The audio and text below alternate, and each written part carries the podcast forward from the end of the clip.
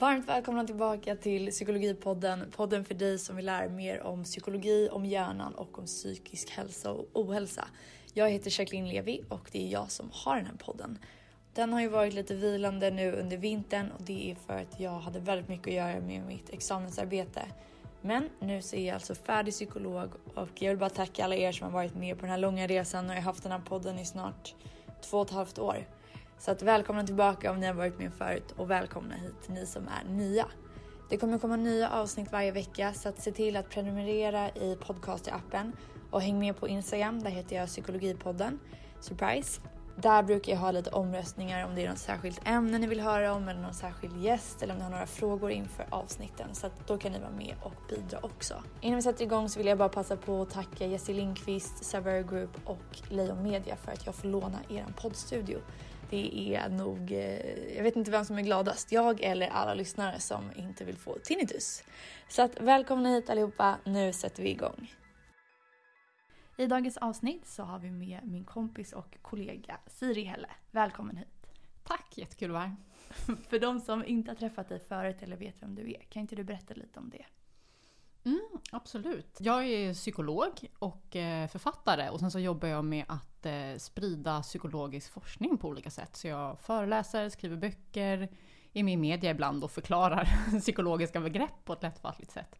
Ehm, och nu har jag precis släppt en bok som heter Smartare än din telefon. Hur du kan använda mobilen för att må bättre, bli effektivare och stärka dina relationer.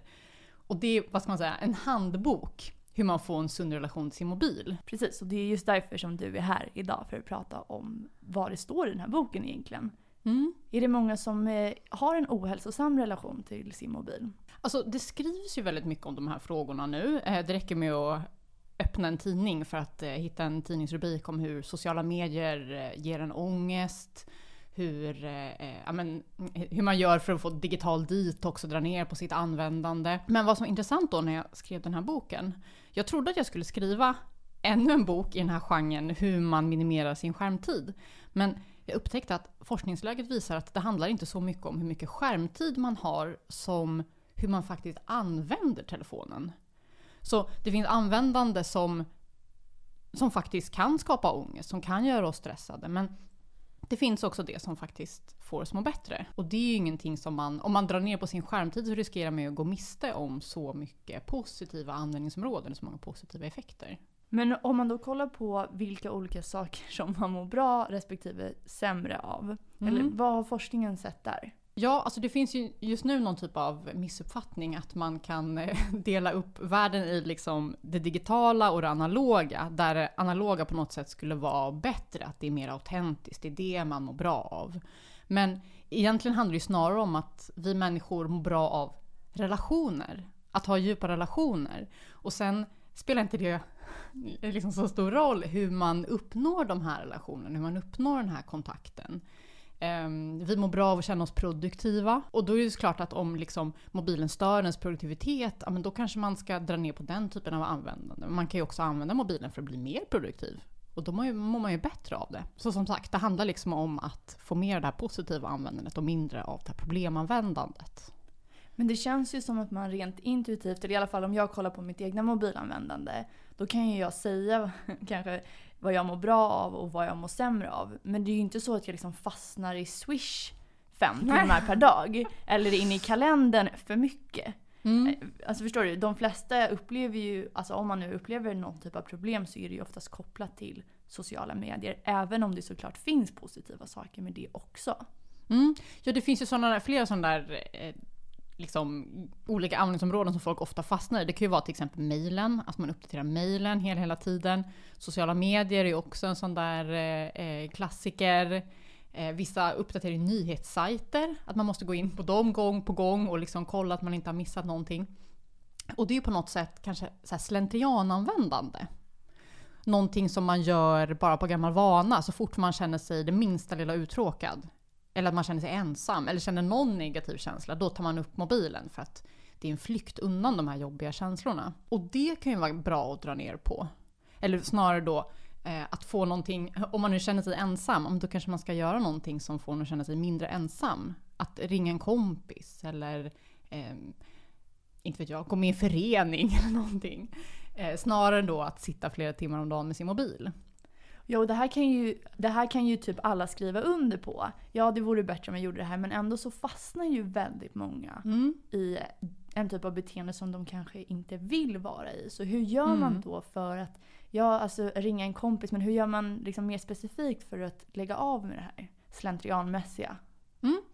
Ehm, och det här är himla intressant. Jag tänker för eh, oss som eh, psykologer, vi jobbar ju liksom med beteendeförändring. Och vi kanske tänker på beteendeförändring på ett lite annat sätt än vad de flesta gör.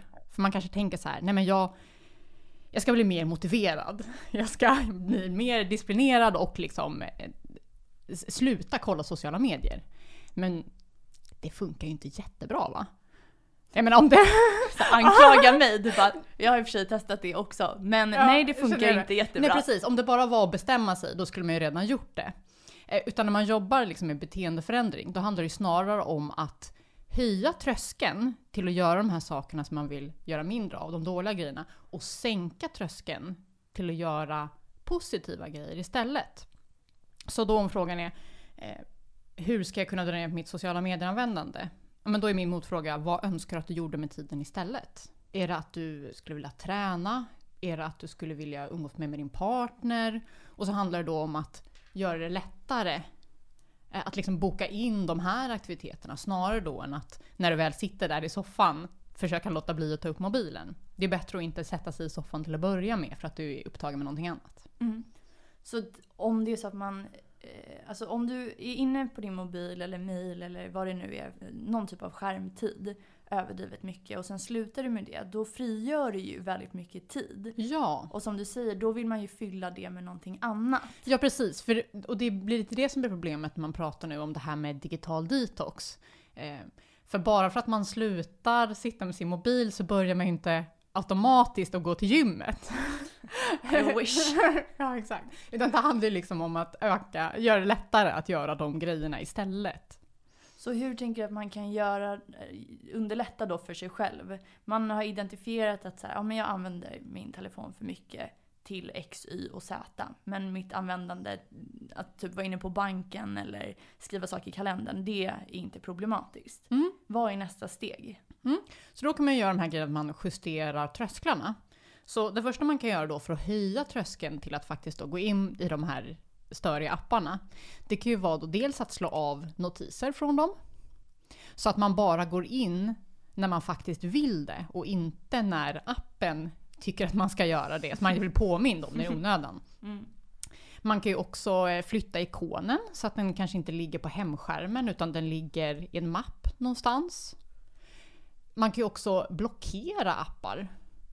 Det finns ju eh, på de flesta nya mobiler så kan man gå in under inställningar och så kan man hitta där då eh, skärminställningar eller eh, digitalt välbefinnande. Det kallas lite olika men då kan man ställa in då vilka appar man ska kunna komma åt och hur länge och sådär. Mm. Så det är någonting, det är ju första steget kanske. Och det andra handlar ju om att då sänka tröskeln till det man vill göra istället. Eh, om vi säger då till exempel att man vill eh, läsa en bok på väg till jobbet istället för att sitta och scrolla sociala medier. Ja men se till att du tar med dig en bok, det första. Och se till att det är en riktigt bra bok. Många kanske tänker att så här, ja men jag vill verkligen läsa Krig och fred. Men ja, det kommer vara svårt att eh, konkurrera ut slöskrollande med Krig och fred. Utan välj hellre liksom en Kalle Anka. deckare. Ja, Kalle Anka. Kalle Ankas pocket. Ja, jag men tipsar om Kalle Anka och du bara krig och fred. Säger inget om oss. Ah. Ja, nej, men att hitta någonting som verkligen känns lockande att göra. Just det. Men många pratar ju om eh, mobilberoende. Och jag vet att du inte riktigt håller med om att det ska kallas ett beroende. Ja, um... om man tittar på den forskning som finns så finns det ju i dagsläget inget stöd för att man kan bli beroende av sin mobil på det sättet som man kan bli beroende av eh, till exempel alkohol eller att spela om pengar. Med det sagt så kan man ju verkligen ha ett problematiskt användande. Så det där du pratar om, att man tar upp telefonen trots att det kanske egentligen ställer till det för en. Att ens partner blir arg för att man hela tiden sitter inne eller att man har svårt att fokusera på jobbet för att man har en massa notiser som stör en hela tiden. Det kan ju verkligen eh, eh, ställa till det för en. Men det finns alltså inte stöd för att mobilen i sig är beroendeframkallande. Vad tror du personligen? För att jag menar forskningen ligger ju alltid efter så att säga. Alltså, den är ju inte superuppdaterad eftersom det tar ett tag att genomföra forskningen och sen få artikeln publicerad och så vidare. Men tror du att det inte går att bli beroende på samma sätt som man blir det av till exempel alkohol eller spel? Jag tror att det finns eh, saker på mobilen som man kan bli beroende av. Och till exempel eh, internetkasinon är en sån tydlig grej. Eh, det tror jag verkligen man kan bli beroende av. Och det skulle ju kunna dyka upp eh, andra, andra typer av appar eller funktioner och sådär som människor kan bli beroende av. Men jag tror inte att mobilen i sig skulle vara beroendeframkallande. Det finns ju jättemånga sådana exempel tidigare.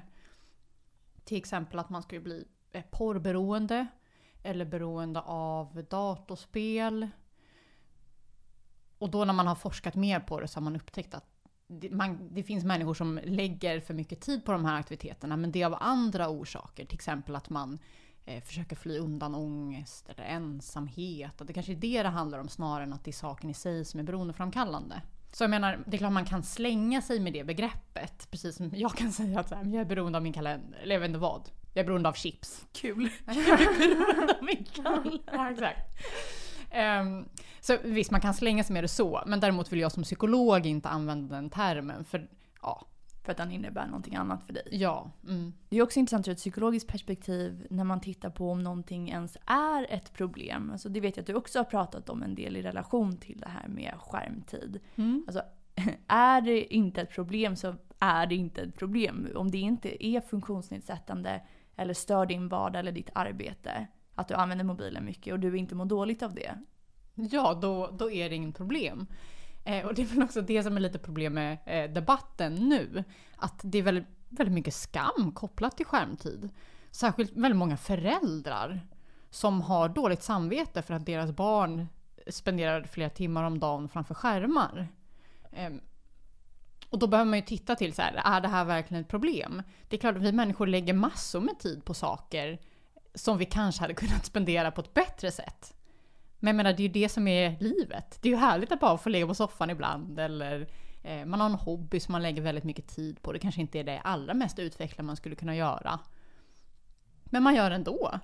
Eh, och liksom, är det ett problem? Eh, frågan är ju snarare Helheten. då, är det någonting som konkurrerar ut andra viktigare aktiviteter? Mm. Så om då till exempel gäller barn och skärmar. Mm. Är det ett barn som eh, inte gör läxorna som den ska, som halkar efter i skolarbetet? Eller är det så att barnet aldrig är fysiskt aktiv utan bara sitter stilla hela dagarna, men då kanske det är ett problem. Mm. Men om det funkar bra med skolan och kompisar och man tränar ibland så, ja men då, då är det ju inget problem. Nej, nej. Och då behöver man heller inte oroa sig. Just det, för det som är intressant är att det här har ju liksom inte samma nyhetsvärde som att ta upp farorna med mobilanvändande. Ja, och det här är någonting jag funderat mycket på just när man tittar på forskningsläget så finns det då både för och nackdelar. Varför är det bara nackdelen det pratas om? Och det tror jag verkligen har med det att göra. Vi människor har ju ett eh, negativitetsbias, alltså ett negativt filter som har gjort det lättare för oss att överleva genom evolutionen. Att vi lägger mer uppmärksamhet vid eh, hot, faror, risker. Och nackdelen är ju då att det innebär ju också att om man sätter då en sån här eh, alarmistisk eh, rubrik på löpsedeln, då kommer folk köpa tidningen. Eh, om man sätter det på en, en boktitel, då kommer folk köpa boken. Och ja, då, liksom, det är bra att vi är vaksam på riskerna. För ja, det, det sker verkligen en, en, en snabb utveckling och vi måste se till att den inte går i fel riktning. Men det finns inte skäl att vara så orolig som många är nu. Så nu under tiden när du har skrivit den här boken så har du ju säkert gjort väldigt mycket efterforskningar. Om jag känner dig rätt har du läst mycket forskning. Ja, ja, ja, absolut. Du har liksom dammsugit fältet antar jag. vilken, är, vilken eller vilka är de största myterna som du har liksom stött på att så här, men gud det här stämmer ju faktiskt inte fastän att det egentligen är allmän vedertaget att jo men så här är det. Mm, och då skulle jag ta till exempel att eh, eh sociala medier leder till psykisk ohälsa. Och det är samma med sociala medier som med mobilanvändande generellt, att det beror på hur man använder det. Så då har man kunnat se att det här passiva scrollandet i, i flödet, det är någonting som eh, riskerar att väcka avundsjuka och faktiskt nedstämdhet. Just när man ser det här, ja men alla andra har det här och sen ligger jag bara i min soffa och scrollar. Medan däremot det aktiva användandet, där man interagerar med kompisar, man eh, hittar grupper där man kan diskutera intressen man har. Det är någonting som kan få människor att må bättre. Eh, och sen tror jag också att man kommer, när man forskar ännu mer på det här, upptäcka att det är skillnad vad man konsumerar i sitt flöde. Absolut. Eh, är det liksom att man följer massa eh, fitness-influencers som bara får en att känna sig eh, ful och oduglig? Ja, Men då gud, följer du mig? Fruktansvärt. är du sån? Att jag är en fitnessmodell. Ja, I som får don't folk att må think so. dåligt. Eh, jag Nej, vet men det är inte, det är jag? Eh, men det är det jag tänker också, att det beror ju liksom på eh, vem man följer såklart. Mm. Eh, så det skulle jag säga är en, en väldigt utbredd myt, där många tror att liksom, ju mindre jag använder sociala medier desto bättre. Men det handlar snarare om att använda det vid rätt tillfällen till rätt saker. Just det, för att ofta när man pratar om problematiskt mobilanvändande så skulle jag tro att det är kopplat till sociala medier. Men alltså mobilanvändande är ju mycket bredare än social medieanvändande. Mm. Och jag tyckte det var väldigt intressant. Jag skrev ju precis färdigt för några veckor sedan mitt examensarbete. Och då så skrev jag om barn och unga med social ångest och undersökte lite då medieanvändande. Mm. Det jag läste på mycket om var just hur alltså ungdomar till exempel med social ångest, de kan Mm. använda internet för att kompensera för de sakerna som de tycker är väldigt jobbigt i, då, inom situationstecken, verkliga livet. Genom att kommunicera med folk online. För då slipper du ju till exempel att folk kanske ser att du rodnar eller stammar eller att du skulle börja svettas eller vad du nu är orolig över. Mm.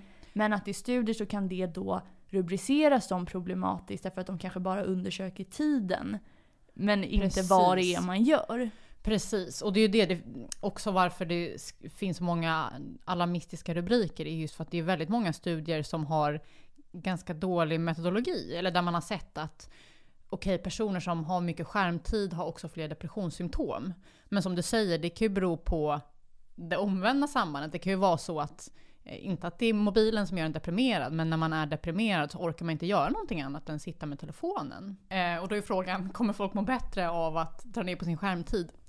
Kanske inte, utan det handlar ju snarare då om att komma igång och göra andra saker. Men det är intressant att ta upp det här med eh, ja, men skärmar och social fobi. Man har, för det är också en sån här myt att skärmtid är dåligt för barn. Det är det ju många som tänker att eh, ju mindre skärmtid mitt barn har desto bättre. Men där har man sett i de, de största studierna som har gjorts, där man liksom har sammanställt all forskning som finns hittills på området, så verkar det som att måttlig skärmtid är liksom det som gäller för de barn som mår bäst. Och vad har de definierat? Vad, vad är måttlig? Ehm, ja, och det här, här önskar jag att jag kunde ge liksom en exakt siffra, men det beror ju såklart på barnets ålder och eh, ja, sådär. Eh, men det, det intressanta är ju att måttlig skärmtid verkar vara bättre än ingen skärmtid alls, just för att mycket av ungas kultur, och umgänge och underhållning har flyttat ut på nätet. Så om man inte har tillgång till internet, ja, men då tappar man de delarna och riskerar att liksom halka efter i eh, liksom, snacket för de andra jämnåriga. Mm. Men om man då tittar på det omvända, alltså föräldrar som använder sina telefoner väldigt mycket och har små barn. Finns det någon forskning på till exempel, jag kan tänka mig att om du sitter och kollar ner i mobilen att du såklart att du får, som förälder får sitta och göra det ibland. Jag menar om man Mm. gör det överdrivet mycket, att det på något sätt skulle påverka barnet, att de inte blir sedda eller av, av anledningen bara att de kollar i mobilen såklart. Förstår Mm, frågan? Mm, ja, absolut. Eh, och det är samma där, absolut. Att om skärmtiden då konkurrerar ut den här viktiga interaktionen, att man som barn får någon som, som samtalar med en, som lär en språk, som lär en att eh, hantera sina känslor. Eh, ja, men då blir man ju sämre på det. Men det, där tänker jag att det beror ju på, alltså man kan ju göra det eh, någon gång ibland. Såklart, sitta med sin telefon. Det är inte bra att göra det, alltså ha telefonen som barnvakt. Så att man låter barnet sitta, så fort man hämtar efter förskolan så sätter man en mobil i handen på barnet och eh, låter den ha den tills den går och lägger sig. Mm. Det barnet lär ju inte må jättebra. Men däremot att man gör det någon gång ibland, kanske man är på restaurang eller man har bilsemester eller man gör det för att förebygga gräl. Då kan det ju vara bra. Mm. Men sen när man tittar på de här eh, effekterna av eh, barn och skärmtid så visar det att det är ganska små effekter. Det är liksom jämförbart med att, eh, att äta frukost på morgonen verkar till och med ha större effekt för barns välbefinnande än hur mycket skärmtid de har. Just för att det kanske inte handlar så mycket om skärmtid som vad man gör på nätet. Vad man gör på sociala medier. Um, och det är klart att det gäller att se till att det till exempel inte sker eh, nätmobbing eller att man kollar på innehåll som man egentligen är för ung för att förstå. Det kanske snarare handlar om att liksom titta på innehållet än, än skärmtiden i sig. Så det handlar mer om vad för typ av material man konsumerar egentligen? Mm, ja, precis. Och att det inte då konkurrerar ut som sagt andra viktiga aktiviteter. Just det. Mm. Men du har ju pratat lite om det här med att sätta intention för ditt mobilanvändande. Vad betyder det? Ja, det är att när man eh, tar upp telefonen så gör man det eh, med en intention, med ett syfte. Och det tänker jag överlag, alltså jag har ett helt kapitel i boken som handlar mer om värderingar.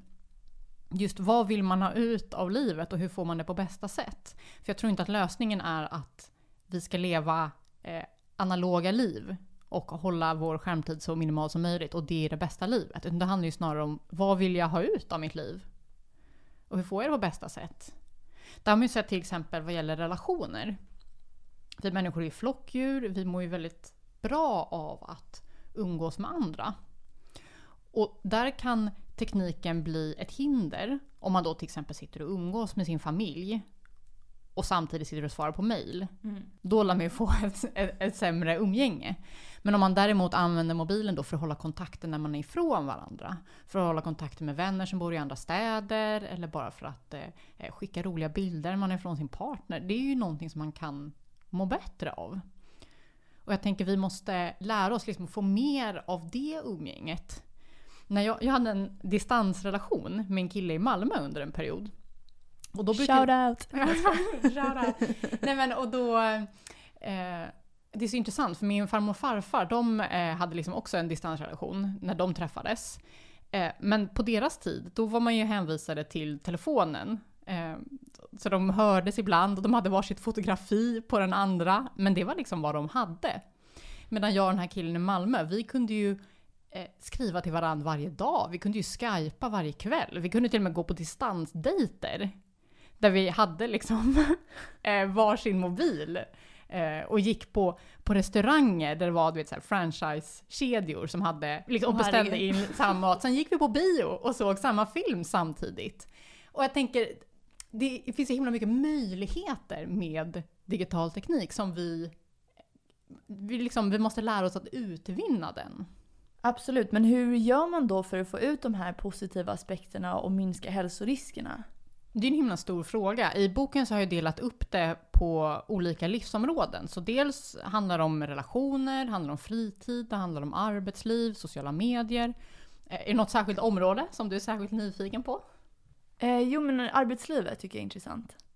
Ja, där är ju ett av de liksom, största problemen eh, med tekniken att det distraherar oss att vi försöker multitaska. Alltså man sitter och försöker fokusera på en arbetsuppgift och samtidigt så eh, trillar det in en massa nya mejl i inkorgen. Eh, man ser sina notiser från sociala medier och det har man ju sett i studier att det här med att multitaska, det känns som att man är effektivare.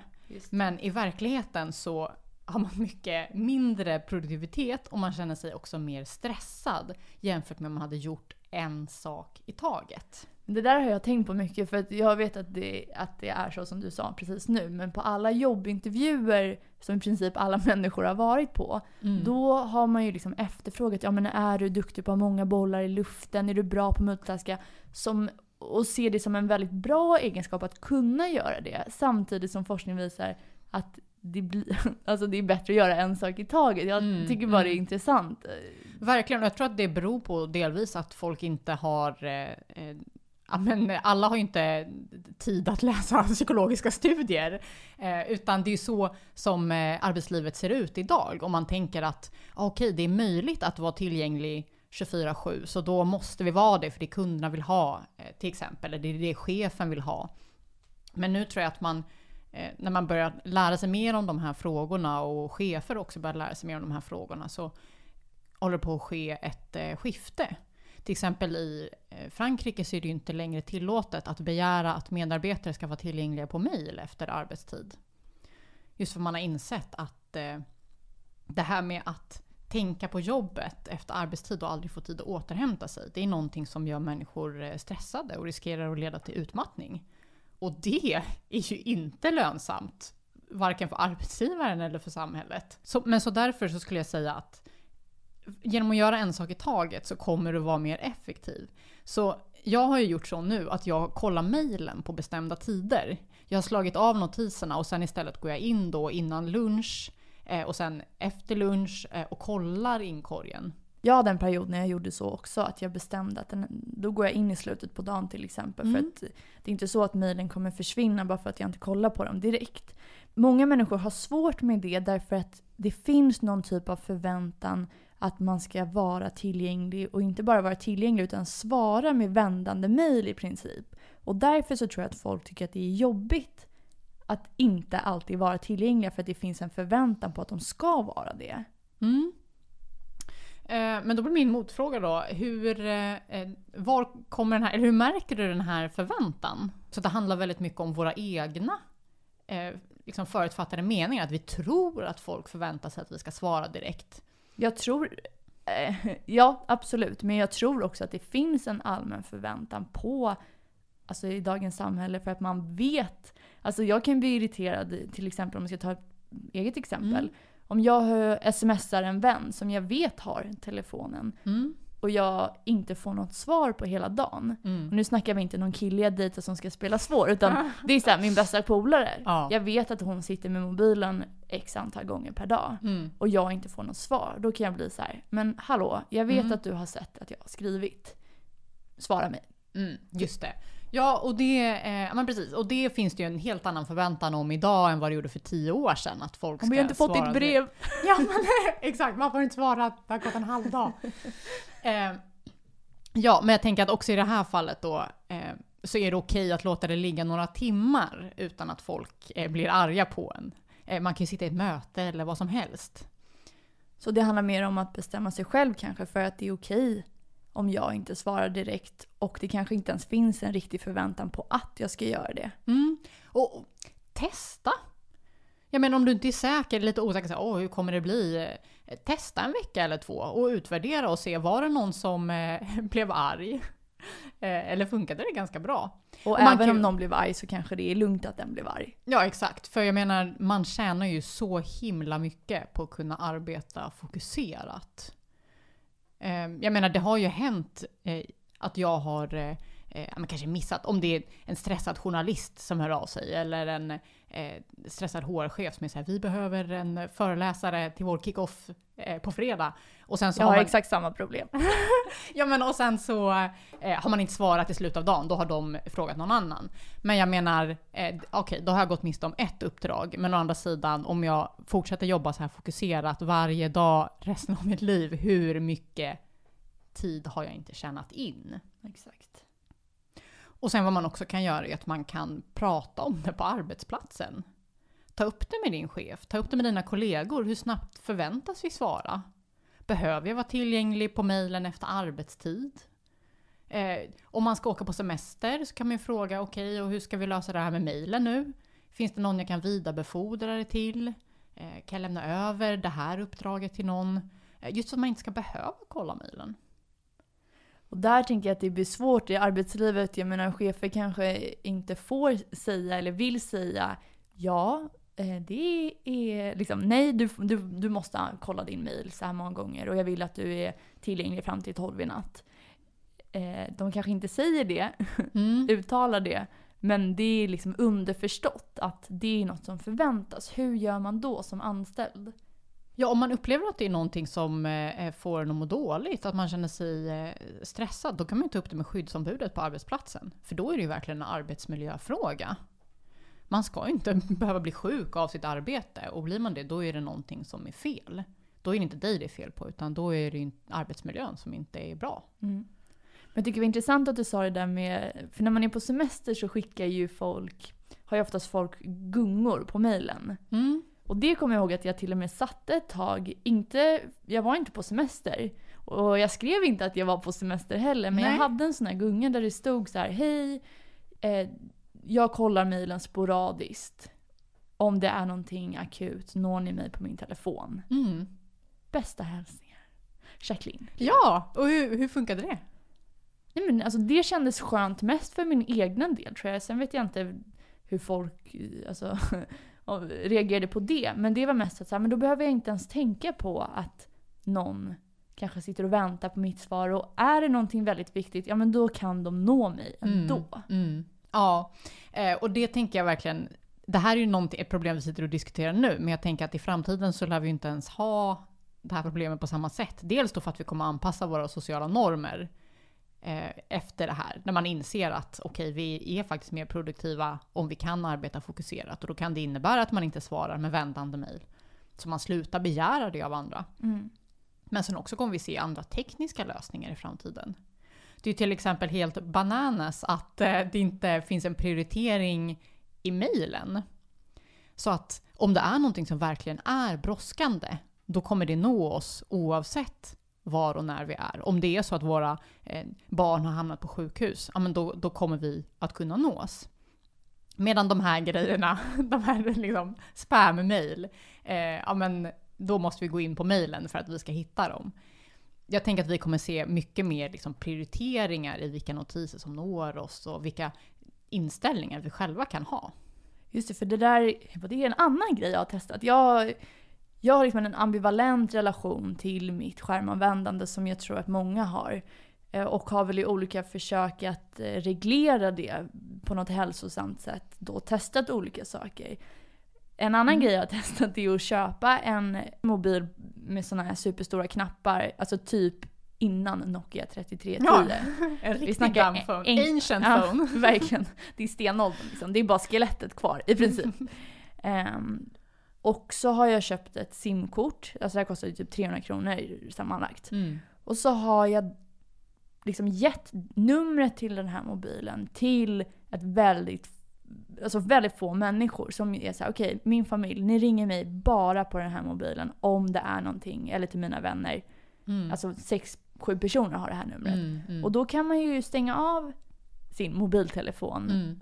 Ehm, och det tänker jag, för den funktionen fyllde ju hemtelefonen förut. Ja, Den har man ju liksom inte kvar. nej. Eller de flesta har ju inte en hemtelefon längre. Mm. För då kunde man ju också bli nådd om det verkligen var något. Mm. Mobilen är ju folk rädda för att stänga av. För hur ska någon kunna nå mig om de behöver det? Jag måste ha på mobilen. Mm.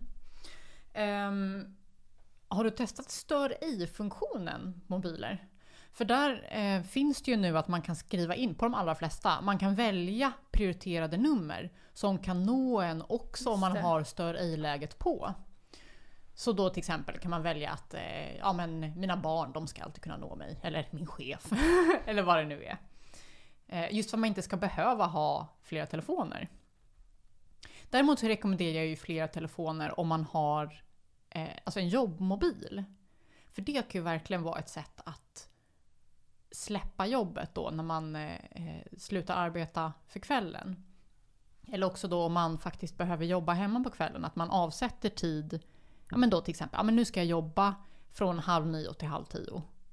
Då tar man fram sin jobbmobil. Så att man inte hela tiden sitter och liksom får nya eh, jobbmail som trillar in.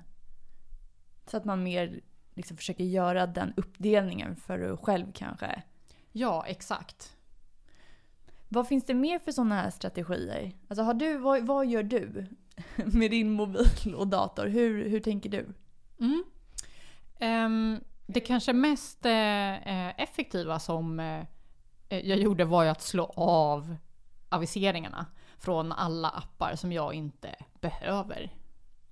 Så att det är bara eh, om man smsar mig som, man kan, som jag får notiser om det.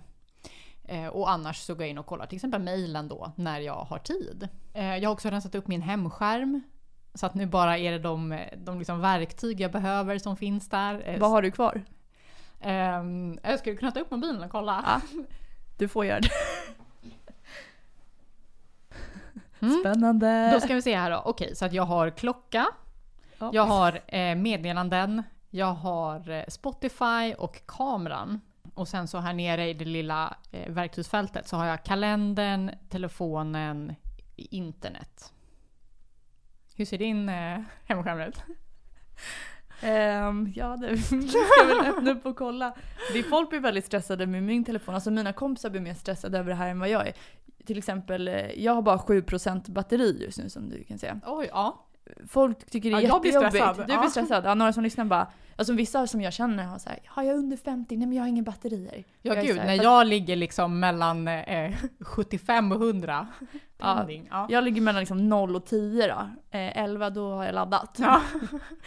Ehm, men det är intressant som du sa att du hade skrivit om i boken det här med att du hade ett kapitel om värderingar. Mm. För att oftast när man ska göra en beteendeförändring så är det ju viktigt att förstå alltså, varför gör jag det här? Mm. Alltså sätta in det i någon större mening. mm. Vad är det jag egentligen skulle vilja göra? Alltså då är det ju lättare att hålla sig till att fortsätta till exempel att inte vara inne på mobilen så mycket. Mm. Om man liksom har identifierat, okej men vad är det som jag egentligen vill göra som jag missar? Mm. Ja, och då tänker jag då om man till exempel känner att så här, men jag, jag lägger alldeles för mycket av min fritid på att bara kolla på serier. Eh, men då kan man ju fråga sig, vad, vad skulle jag vilja lägga min tid på? Vad är det för ett liv jag vill se tillbaka på? Okej, jag vet att det inte är ett liv av att bara binge-titta på serier. Men vad är det egentligen jag vill göra? Eh, är det att jag vill ha någon så här, lära mig dyka? Eller är det att jag vill eh, umgås med, med släkten? Vad, vad är det för någonting? Och istället plan- planera in mer av det. Just det. Skärmen kan ju egentligen liksom maskera andra problem som kanske dels är svårare att tala om men också lite svårare att identifiera. Då är det lätt att säga bara ah, jag gör det här för mycket. Men varför gör du det? Ja, det tänker jag absolut. Och det här när folk pratar om att eh, mobilen kommer i vägen för relationer. För det är ju många som upplever då att man, till exempel ens partner, sitter så mycket med mobilen. Eh, och så kanske man säger att den är mobilberoende. Eh, men det kan ju vara ett symptom på att det är någonting med relationen som inte funkar. Att ens partner tar upp mobilen, att man själv gör det för att man inte vill gräla. Man vet att eh, om vi sitter och pratar tillräckligt länge då kommer det bli ett gräl. Så då istället så tar man mobilen. Eh, Eller att man inte har så mycket att prata om längre. Eh, Och då heller liksom sitter och scrollar på sociala medier.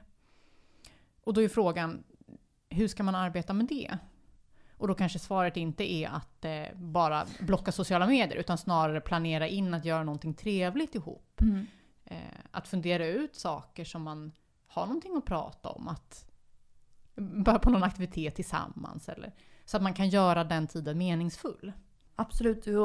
Jag tänker ofta på det, alltså vilken typ av signaler det sänder ut när någon tar upp sin mobil medan man sitter och pratar med dem. Mm. Det är ju folk väldigt ofta, så man sitter med en kompis eller flera kompisar, äter middag eller berättar kanske någonting personligt. Och så sitter den med mobilen och scrollar. Alltså det kan få mig väldigt illa till mods. Ja. Ja, såklart. För att då signalerar den att eh, det finns någonting som är viktigare än du. Jag lyssnar inte. Ja. Hur kan man lyfta det om man till exempel har kompisar eller en partner som kanske inte menar någonting elakt men det blir ändå Mm. på något sätt att man tar illa upp? Ja, för det tänker jag är första att, att inte nödvändigtvis ta det personligt. Antagligen så är det att den här personen eh, det kanske, den sitter och tänker på hur stressad den är på jobbet eh, och att eh, väntar på ett mejl från sin chef och kollar har det kommit, har det kommit? Och det är inte för att du är ointressant utan för att den personen har en osund relation till sin chef. Eh, men ja, det första man kan göra är ju bara att eh, fråga så här, Åh, vad gör du för någonting? Eh, många människor är ju medvetna om att det är lite oartigt att ta upp telefonen när man umgås och det räcker med att man bara så här, lite trevligt påminner. Jag har ju fått utskällningar av mina vänner när jag frågar så. Ja, okej. Sluta säga till mig att jag inte ska vara på mobilen. Men då tänker jag bara, ja, jo det kommer jag inte sluta med. Ja men precis, men då, för då är ju nästa steg, om det här är ett återkommande problem Mm. eh, som verkligen skapar problem i relationen och du känner dig åsidosatt, då kan man ju ta upp det precis som andra relationsproblem. Mm. Eh, ja, det finns ju en, en massa så- störiga saker som man nog kan göra i relationer. Eh, och, vad man, och där är ju skärmtid bara en av dem. Men då, eh, och då får man ju tänka som med andra saker, att man utgår från att eh, sin egen upplevelse snarare än att komma med anklagelser. Att säga att eh, när du tar upp mobilen så eh, känner jag mig eh, mindre viktig för dig. Eh, jag får tankar som att eh, du är inte intresserad av vad jag har att säga. Eh, och jag skulle föredra om du inte tog upp mobilen när vi umgås. Vad tänker du kring det? Och, höra, och liksom tillsammans sen ta fram en, en lösning. För det kanske inte heller är en lösning att den här personen aldrig ska ta upp mobilen när ni umgås. Särskilt om det är ens partner och man bor ihop. Eh, det kan ju vara så att den personen faktiskt måste svara på det här mejlet från sin chef. Men då kan man hitta andra lösningar, till exempel att eh, man har mobiltid. Mm. Så man kan säga så här, eh, oj nu förresten nu kommer jag att tänka på det där mejlet från min chef, kan vi ta mobiltid 10 minuter? Mm. Bara en sån enkel grej. Mm. mm. Vi har fått lite lyssnarfrågor. Ska vi se. Kul! Och eh, för er som inte vet så finns Psykologipodden på Instagram och där brukar jag ibland efterfråga, så här, är det någon som undrar någonting särskilt när jag ska träffa en gäst? Så att de här frågorna kommer därifrån. Hjärnan fungerar ju efter principen use it or lose it. Så tror du extrem användning gör oss dummare? Lätt, lättillgängligheten med Google och allt. Um, ja, forskningen har ju inte eh, hunnit så långt av naturliga skäl just eftersom det är så ny teknik. Men, eh, men precis som du skriver att hjärnan blir ju bättre på det som vi använder den till eh, och den blir sämre på det som vi inte använder den till. Så man skulle ju kunna tänka då till exempel att eh, människor blir sämre på att minnas telefonnummer, för det behöver man inte komma ihåg längre. Eh, att vi kanske blir sämre på eh, om vi fotar väldigt mycket så blir vi sämre på att liksom spara minnesbilder av vad vi har varit med om och så. Ehm, men däremot så ska man ju inte, så det, det skulle kunna hända. Men man får ju komma ihåg att förändring är inte samma sak som försämring.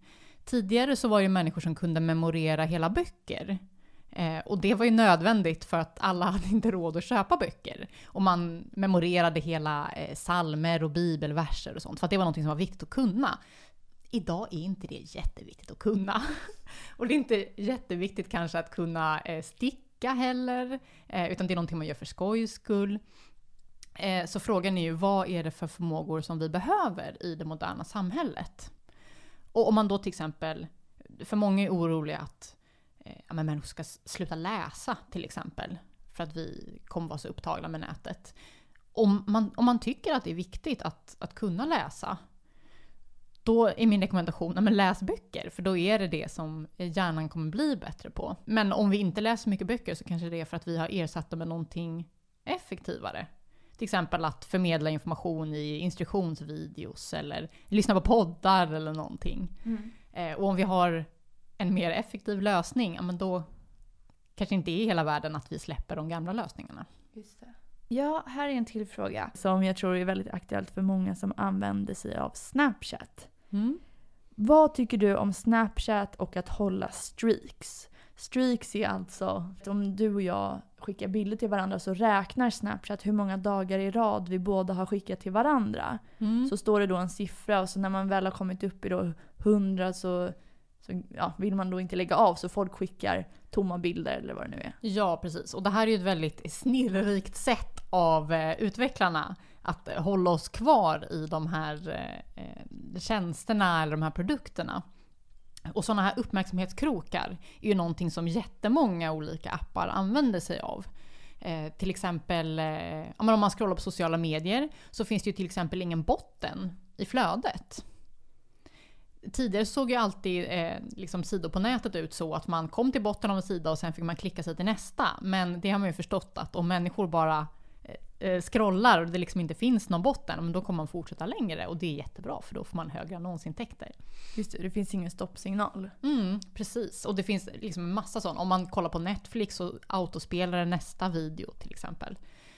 Um, och så det här med snapstreaks är ju ett snillrikt sätt att spela på människors eh, liksom sociala...